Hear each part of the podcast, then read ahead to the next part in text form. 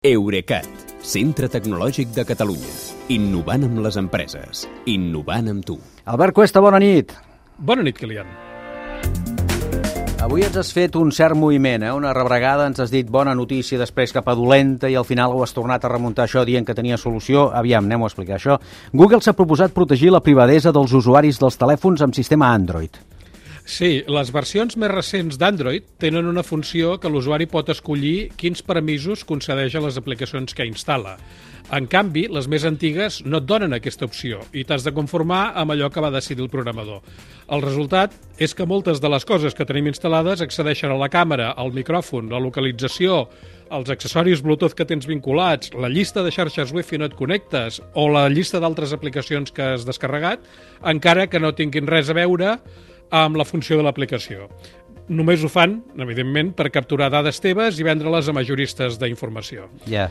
La bona notícia que dèiem és que Google ha activat amb totes les versions d'Android a partir de les 6, i pensa que anem per la 12, una funció que desactivarà automàticament tots els permisos de les aplicacions que tens instal·lades però que fa temps que no fas servir. El més prudent sempre seria esborrar-les, però si no ho fas perquè potser algun dia les obriràs, quan ho facis t'hauran de tornar a demanar permís per fer coses i potser aleshores seràs més restrictiu. El millor de tot és que per activar-ho no caldrà actualitzar res, perquè s'aplicarà automàticament mitjançant els serveis mòbils de Google que porten instal·lats la majoria dels mòbils Android. Uh, per exemple, uh, ara que pensi jo, els actuals de Google, els actuals de Huawei no els porten. Però va, i després de la bona notícia ens la xafes amb una de preocupant. Sí, uh, Google, la mateixa Google, ha hagut de retirar del catàleg de la seva Play Store desenes d'aplicacions mòbils que espiaven els usuaris i transmetien informació de la seva activitat als servidors d'una empresa de Panamà que, segons el Wall Street Journal, sembla, sembla vinculada a les agències de seguretat dels Estats Units, és a dir, l'FBI, la CIA i la NSA.